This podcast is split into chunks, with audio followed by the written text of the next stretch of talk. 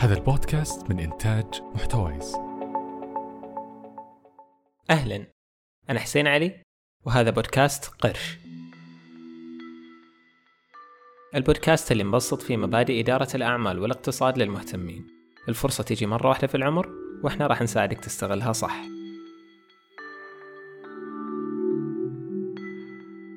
حلقة اليوم تتكلم عن ظاهرة العالم كله واجهها. هذه الظاهرة أرعبت المجتمع السعودي بعام 2006 حصدت منازل الأمريكان ب 2008 كما أنها وكما يقال فلست بإسحاق نيوتن بعام 1720 تذكر أن الاقتصاد هو دراسة للسلوك البشري تجاه الموارد وهنا راح نوقف عند أكبر نكبات السلوك البشري اللي تنكب دول معها. هذه الظاهرة تبدأ كحيوان أليف ينفع بس ما يضر والكل يطمع فيه. تبدأ حكاية هذا المخلوق اللطيف على مراحل. خلونا مع بعض نشوف كيف تبدأ الحادثة. أولا ينخلق الطلب لهذا الحيوان الأليف. ينخلق لوجود سبب منطقي غالبا لأنه كيوت أو ينظف الحوش الناس تشتريه وتجربه وتعيش معه الناس تشوف فيه قيمة لذلك تعطيه سعر. الحيوان هذا عادي ينباع وينشرى وله سعر والناس مبسوطة لوجوده بينها بس هذا الحيوان ما كان طبيعي مثل أي مخلوق آخر. ما كان يتغذى على الأعشاب أو اللحوم. كان يتغذى على سعر البيع اللذيذ. كان ينمو كل من باع بسعر أعلى. فكل شخص يشتريه بسعر كان ينمو وكل من باع بسعر أعلى نما أكثر. الأمور طبيعية ومستتبة وكل حاجة تمام. بعدين يحدث حدث غريب. حدث يخلي الناس تنظر لهذا الحيوان بشكل مختلف. الناس تبدأ تتفاخر إذا كان الحيوان اللي عندها أكبر أو أضخم أو أسمن تتحمس الناس وتشتريه بسعر أعلى. لأن كل ما اشتريته بسعر أعلى كل ما كبر أكثر وكل ما كبر كل ما صار سعره أكثر. مو عشانه حيوان أليف ولا عشانه ينظف الحوش بل تحديدا للسعر.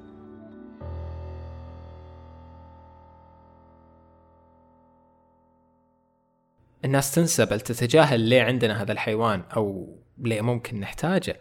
الكل يبدأ يشتريه عشان هم عارفين إن سعره بيرتفع. لذلك اشتروه مو لغرض الاستخدام بل لغرض البيع. فجأة ومن لا مكان. كل الناس صارت تجار. فجأة ومن لا مكان كل الناس صار عندها حوش جنب البيت لهذا المخلوق الغريب. كل الناس صارت تشتريه وتبيعه. بالطرف المقابل هذا المخلوق يبدأ يتضخم حجمه بشكل مرعب. وكذلك سعره أيضا بشكل مرعب أكثر. لذلك ما حد صار يهتم كيف صار شكله. مخالب مدببة أسنان مرعبة شكل مخيف ومقزز جدا. لكن ما حد يهتم. بما أن سعره قاعد يزيد فليش لا؟ تحصل الحادثة المروعة لما أحد هذه المخلوقات الجائعة يهجم على صاحبه ويلتهم يده. يصيبه بعاهات مستدامة. المخلوق كان جائع جدا لأنه ما صار ينمو بنفس السرعة. سعره وصل إلى مستوى ما حد يقدر يشتريه فيه. قرروا يهملوه ويشوفون لهم شغلة غيره.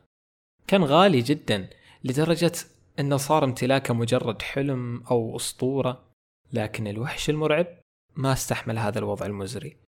بدأ يهجم على الناس يلتهم ثرواتهم وممتلكاتهم أكل البيوت أكل المحلات والسيارات. وحتى القروض البنكية. وبذي اللحظة وبعد فوات الأوان الناس بدأت تتساءل إيش المميز في هذا المخلوق القبيح؟ اكتشفوا متأخرا إنهم ما يحتاجونه وإنه صار أذى أكثر من كونه نفع. قررت الناس تقتله وفكرت كيف تقتله إلى أن وصلوا إلى قرار أنهم يقتلونه بالجوع. بأن الناس كلها تتفق توقف ما تشتريه أو تبيعه. وتتركه في قفص بجزيرة مجهولة إلى أن يموت. بالنهاية مات الوحش. مات بشكل مخزي جدا. وانتهت المعركة بانتصار عظيم للنوع البشري. لكن البيوت السيارات بقية الممتلكات اللي أكلها الوحش ما راح ترجع إلى الأبد. الناس انقسمت إلى ثلاث أقسام هنا. ناس قالت نتقبل الخسارة والحمد لله طلعنا منها سالمين. وناس تصاب بنوبات تطرحهم بالمستشفيات. وناس تبدأ عندها فوبيا من كل أنواع الحيوانات بسبب الذاكرة المؤلمة اللي تركها لهم هذا المخلوق المرعب. أمثال هذا الوحش كثيرة.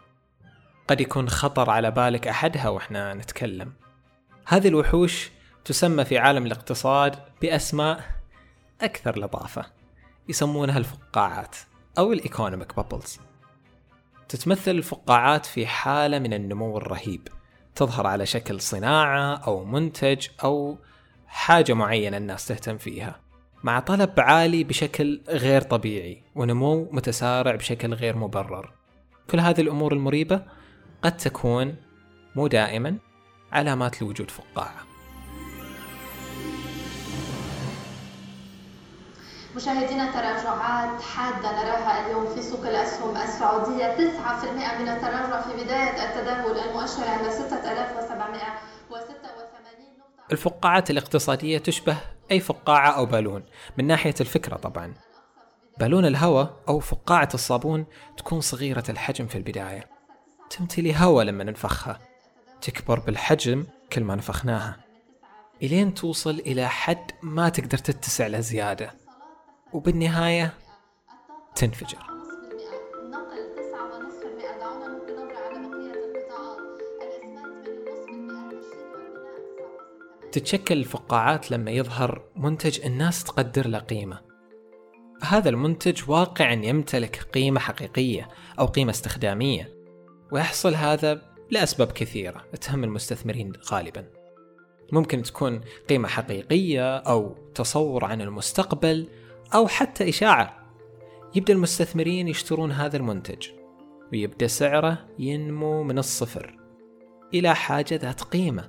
تعرف هذه المرحلة حسب رأي البروفيسور هايمن مينسكي بمرحلة النزوح أو الديسبليسمنت. تلحقها مرحلة ثانية تسمى الازدهار أو البوم. بهذه المرحلة يبدأ يتسارع النمو تبدأ الأسعار تزيد أسرع وأسرع. في هذه المرحلة مو بس المستثمرين اللي يهتمون بل حتى بقية الناس يبدون يسمعون عنها. ممكن تتذكرون البيتكوين العام الماضي. الناس في مرحلة الازدهار تندفع لأسباب غير منطقية أحيانا آه، أو غير مبررة بس لأن ببساطة الحشر مع الناس عيد. تطلع الإعلانات القصص الناس تسولف عنها في الديوانيات حتى اللي مو فاهم عنها أي شيء تلقى بالفعل بدأ يستثمر فيها. أكثر مرحلة خطرة في حياة الفقاعة. يبدأ المنتج بهذه المرحلة يحصل على ما يسمى بالقيمة الإسمية أو القيمة التبادلية. تزيد القيمة التبادلية إلى مستويات ضخمة. ما حد يفكر بذيك اللحظة عن القيمة الحقيقية. أساسا ما حد يهتم. مرحلة الكل فيها أعمى. الزخم عالي. الموج كبير يحطم أي شخص يوقف قدامه. وفي خضم الزحمة يوصل سعر المنتج إلى أعلى حد ممكن يوصل له. السعر اللي ما راح يرتفع من بعده أبدا. يوقف سعرها طبعا لأحد سببين. أما السبب الأول أن الناس الفاهمة والمستثمرين الواعيين يبدون ينتبهون أنه قاعد يصير حاجة مو طبيعية هنا. طبعا بالنظر إلى طبيعة المنتج طبيعة السوق وطبيعة أشياء أخرى. السبب الثاني وهو الأهم أن عوام الناس من المشاركين في هذا السباق صارت ما تقدر توفر قيمتها أو تشتريها. تبدأ الناس تبيع سياراتها تاخذ قروض ترهن بيوتها بس عشان تدخل في هذا السباق.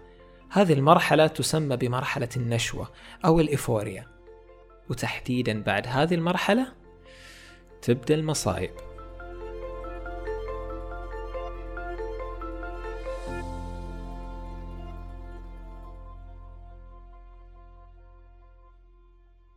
يبدأ المستثمرين الفاهمين يبيعون يطلعون ومحوشين على الدراهم.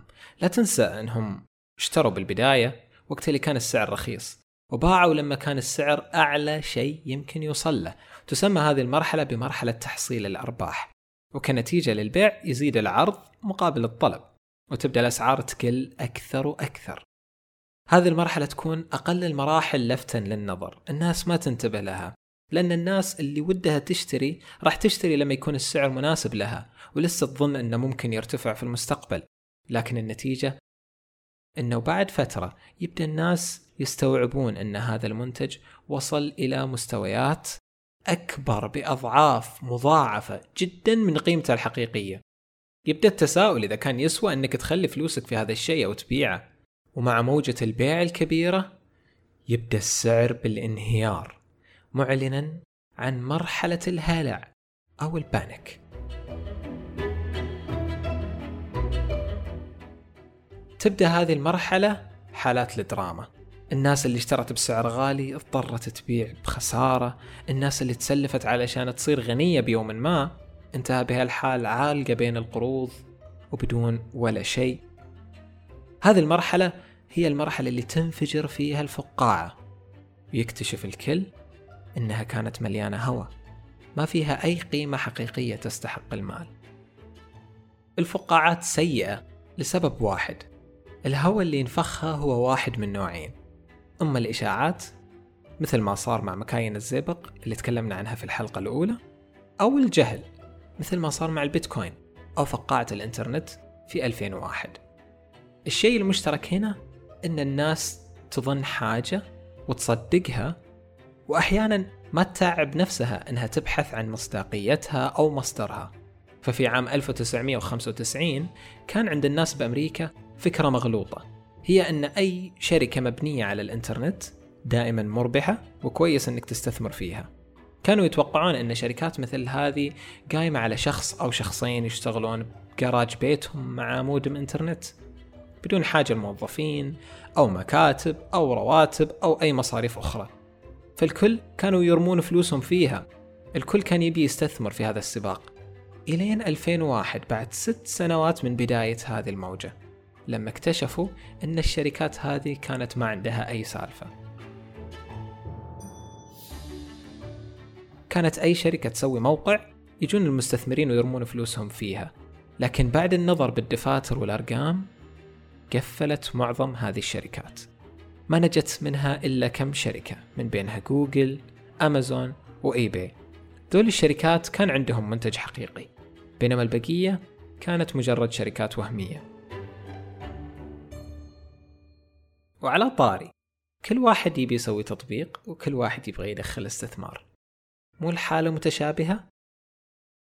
على كل العبارة المفتاحية هنا هي القيمة الحقيقية إيش هذا المنتج؟ فين يستخدم؟ مين العملاء المستهدفين؟ هل في عملاء حقيقيين ولا بس مجرد كلام فاضي؟ كم جالسين يبيعون وكم هي مصروفاتهم رخصهم أوراقهم التجارية خبرات المؤسسين وإلى آخره والقائمة تطول هذه الأمور وإن كانت منطقية بالنسبة لك حاول تدعمها برأي خبراء استثماريين واقتصاديين يشرحون لك تفاصيلها بشكل أكبر وثقف نفسك قبل أي استثمار فترة الدخول عالم البزنس وأنا اليوم للتاريخ بأكدها هل فعلا أنت في فورة سوق الأسهم كنت تملك فوق 30 مليون وخلال ربع ساعة أصبحت مديون مليونين؟ ال ال أنا فعلا يوم من الأيام تجاوزت الرقم هذا 35 مليون. وأذكر إني كنت أقعد في الويكند في جناح الزمرده في برج العرب في دبي. يوم انهيار سوق الاسهم السعودي الساعة 10 أنا غني. الساعة 10 10 أنا مديون بالماينس مليونين. قصة الأسهم في السعودية ب 2006 ما كانت حادثة غريبة أو بعيدة عن هذا النطاق. الحدث كان مشابه وبإمكانك بعد هذه الحلقة أنك تحط النقاط على الحروف وتشوف إيش الغلطات اللي أدت لهذه النكبة. راح نعد كفريق قرش مع فريق محتوايز تقرير في الأيام الجاية. دراسة مكثفة حول نكبة سوق الأسهم أو تداول بعام 2006 بنشاركها معاكم وأنتم شاركوها مع أصحابكم وحبايبكم. الفقاعة هي الوحش المرعب اللي يلتهم كل ما نملك. الحلول تجاه هذا الوحش إنك تفهمه صح وتستوعب شكله قبل لا يوقع الفاس بالرأس. اقرأ ابحث اسأل وانتقد بعد. بعدين توكل على الله واستثمر. وتذكر إن حتى إسحاق نيوتن طفر في فقاعة. كان معكم حسين علي. دمتم بود.